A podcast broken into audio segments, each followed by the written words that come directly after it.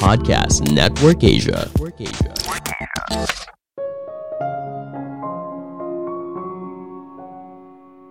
Kadang dalam hidup, kita tidak selalu mendapatkan kartu yang bagus. Yang jauh lebih penting adalah melakukan yang terbaik dari kartu apa pun yang kita dapatkan. Halo semuanya, nama saya Michael. Selamat datang di podcast saya, Sikutu Buku. Kali ini saya akan bahas buku The Last Lecture karya Randy Paus. Sebelum kita mulai, buat kalian yang mau support podcast ini agar terus berkarya, caranya gampang banget.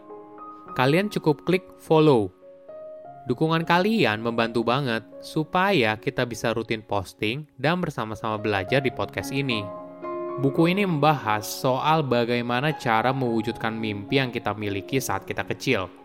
Apa yang akan kamu lakukan ketika diberitahu kalau kamu hanya punya waktu 3-6 bulan untuk hidup? Inilah yang dialami oleh penulis. Saat itu, dirinya didiagnosa menderita kanker stadium akhir dan hanya punya waktu hidup yang terbatas. Penulis memanfaatkan waktu itu untuk memberikan ceramah terakhir atau dikenal sebagai The Last Lecture, sebuah ceramah yang biasanya diberikan oleh para profesor di universitas untuk mempertimbangkan soal kematian dan merenungkan hal apa yang paling berharga. Namun penulis tidak bicara soal kematian dan cara menghadapinya. Penulis fokus bagaimana caranya untuk hidup Itulah yang membuat buku ini berbicara soal bagaimana penulis bisa mewujudkan mimpi masa kecilnya dan berharap bisa membantu orang lain untuk mencapai mimpinya. Saya merangkumnya menjadi tiga hal penting dari buku ini. Pertama, pelajaran berharga dalam hidup. Banyak profesor di universitas sering kali diminta untuk memberikan sebuah ceramah yang berjudul kuliah terakhir. Mereka diminta untuk mempertimbangkan soal kematian dan merenungkan apa yang paling berharga. Ketika mereka ceramah, para penonton biasanya punya pertanyaan yang mendasar. Kebijaksanaan apa yang kita tinggalkan untuk dunia apabila kita tahu ini adalah momen terakhir? Jika kita akan hilang besok, apa yang kita inginkan sebagai peninggalan? Ketika penulis sebagai profesor dari jurusan Computer Science diminta untuk memberikan ceramah serupa, dia tidak menyangka kalau ceramah itu merupakan yang terakhir bagi dirinya Penulis didiagnosa menderita kanker stadium akhir dan hanya bisa bertahan dalam waktu 3 hingga 6 bulan. Keputusan dia untuk menyusun ceramah terakhir dan mengabadikannya dalam sebuah buku awalnya mendapat tentangan dari istrinya. Maklum saja, istrinya merasa penulis perlu menghabiskan waktu yang berharga bersama dengan keluarga. Namun dia beranggapan ceramah ini akan menjadi warisan berharga untuk ketiga anaknya yang masih sangat kecil, Itulah yang membuat penulis tidak ingin berbicara soal kematian atau apa yang dia rasakan, tapi dia ingin bicara soal kehidupan.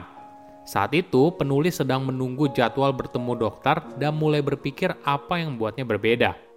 Dia berpikir kanker tidak membuatnya berbeda. 37 ribu orang Amerika Serikat didiagnosa mengidap kanker pankreas setiap tahun, penyakit yang dialami juga oleh penulis. Dia lalu mulai berpikir, hal apa saja yang berhubungan dengan identitas dirinya, seorang guru, seorang ilmuwan komputer, seorang ayah, seorang anak, seorang teman, seorang mentor, dan sebagainya. Itu adalah semua peran yang sangat dia hargai. Namun sekali lagi, apa yang membuatnya berbeda? Tiba-tiba saja datang sebuah ide. Apa pun pencapaian yang dia milikinya, semua berasal dari mimpi dan tujuan yang dimilikinya sejak kecil. Sepanjang hidup, melalui satu dan lain hal, penulis berhasil mewujudkan mimpi itu satu persatu. Yang membuat dirinya unik bukanlah karena dia punya mimpi. Semua orang mungkin saja punya mimpi, tapi yang buatnya unik adalah betapa detail dari mimpi tersebut yang membentuk hidupnya selama ini. Penulis merasa kisahnya dalam bermimpi, mengejar mimpi tersebut, jatuh bangun, hingga akhirnya mewujudkannya, bisa membantu orang lain untuk menciptakan jalannya sendiri dalam memenuhi mimpi mereka. Inilah yang akhirnya menjadi judul ceramah terakhirnya, Really Achieving Your Childhood Dreams, yang artinya benar-benar mencapai mimpi masa kecil kamu.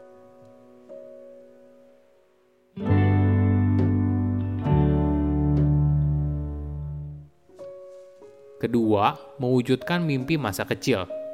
Penulis bercerita soal mimpi dan masa kecilnya. Saat dia masih sekolah, banyak siswa ingin jadi astronot. Namun sejak kecil, dia sadar kalau dia tidak bisa jadi astronot karena memakai kacamata. Nggak apa-apa, penulis menerima hal tersebut. Yang dia inginkan sebenarnya bukanlah menjadi astronot, tapi merasakan bisa melayang di udara. Penulis pun berusaha mencari cara bagaimana mimpinya bisa terwujud. Hingga datang sebuah kesempatan, Badan Antariksa Amerika Serikat NASA membuka program di mana mahasiswa bisa menyampaikan proposal untuk melakukan eksperimen dengan pesawat mereka. Pada tahun 2001, mahasiswa dari tempat dirinya bekerja mengajukan ide menggunakan virtual reality.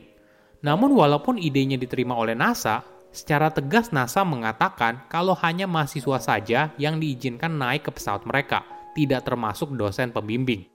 Tentunya hal ini membuat penulis kecewa. Dia pun tetap tidak menyerah dan berusaha mencari cara yang lain.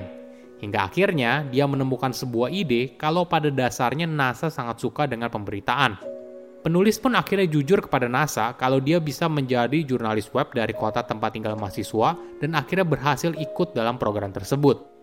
Dia membuat kesepakatan setelah kunjungan tersebut, dia akan menuliskan sebuah cerita yang akan disebarkan kepada media yang ada di kota tersebut.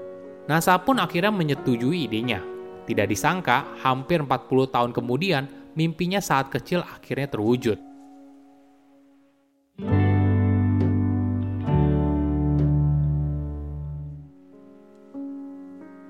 Ketiga, belajar dari pengalaman. Apakah sesuatu yang kamu harapkan berakhir menjadi kenyataan? Mungkin saja tidak. Penulis punya kutipan yang menarik. Pengalaman adalah sesuatu yang kamu dapatkan ketika kamu tidak mendapatkan apa yang kamu inginkan. Dalam perjalanan hidup, tidak semua hal terjadi sesuai keinginan. Kadang hal yang sangat kita harapkan ternyata tidak kejadian. Hidup punya misterinya sendiri Penulis bercerita soal alasan kenapa orang tua mengirim anaknya untuk bermain sepak bola, basket, atau olahraga lainnya. Mungkin alasan utamanya bukan agar anaknya bisa jadi pemain basket profesional. Ya tentunya ada beberapa anak yang memang menemukan hobinya di sana lalu bisa mengembangkan bakatnya. Namun kebanyakan fokusnya adalah agar anak mereka belajar hal lain yang jauh lebih penting. Misalnya bekerja dalam sebuah tim, sportivitas, kegigihan, dan sebagainya Menurut penulis, ini merupakan cara belajar yang efektif. Misalnya ada sebuah proyek bernama Alice Project, di mana anak-anak belajar membuat stop motion film dan game. Tapi yang sebenarnya tujuan utamanya adalah untuk belajar membuat program komputer tanpa anak-anak itu sadari. Oke, apa kesimpulannya? Pertama, pelajaran berharga soal hidup. Banyak profesor di universitas sering kali diminta untuk memberikan sebuah ceramah yang berjudul kuliah terakhir – mereka diminta untuk mempertimbangkan soal kematian dan merenungkan apa yang paling berharga. Inilah yang akhirnya menjadi judul ceramah terakhirnya, Really Achieving Your Childhood Dreams, yang artinya benar-benar mencapai mimpi masa kecil kamu. Kedua, mewujudkan mimpi masa kecil.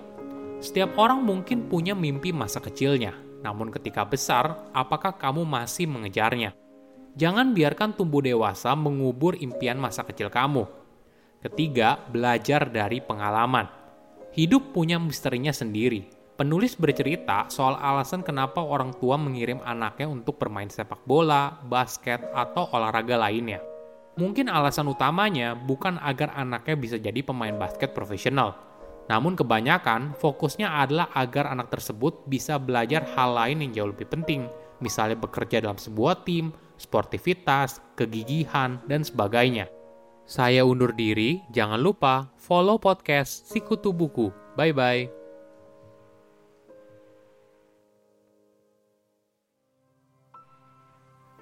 Pandangan dan opini yang disampaikan oleh kreator podcast, host, dan tamu tidak mencerminkan kebijakan resmi dan bagian dari podcast Network Asia. Setiap konten yang disampaikan mereka di dalam podcast adalah opini mereka sendiri dan tidak bermaksud untuk merugikan agama, grup etnik, perkumpulan, organisasi, perusahaan, perorangan, atau siapa pun dan apa pun.